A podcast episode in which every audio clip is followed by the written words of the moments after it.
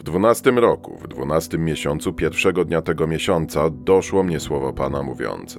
Dobrze jest, tak jak Ezechiel, spisywać to, co Bóg do nas mówi. Potem, z perspektywy lat, możemy widzieć, jak On działa i jak w kluczowych momentach kierował naszym życiem. Ciekawa jest tutaj taka gra słów, to znaczy jest napisane, że słowo doszło oraz że słowo mówiło. No ale to Bóg przemawiał do Ezechiela. Gdzie indziej przecież jest powiedziane, że Bogiem było słowo.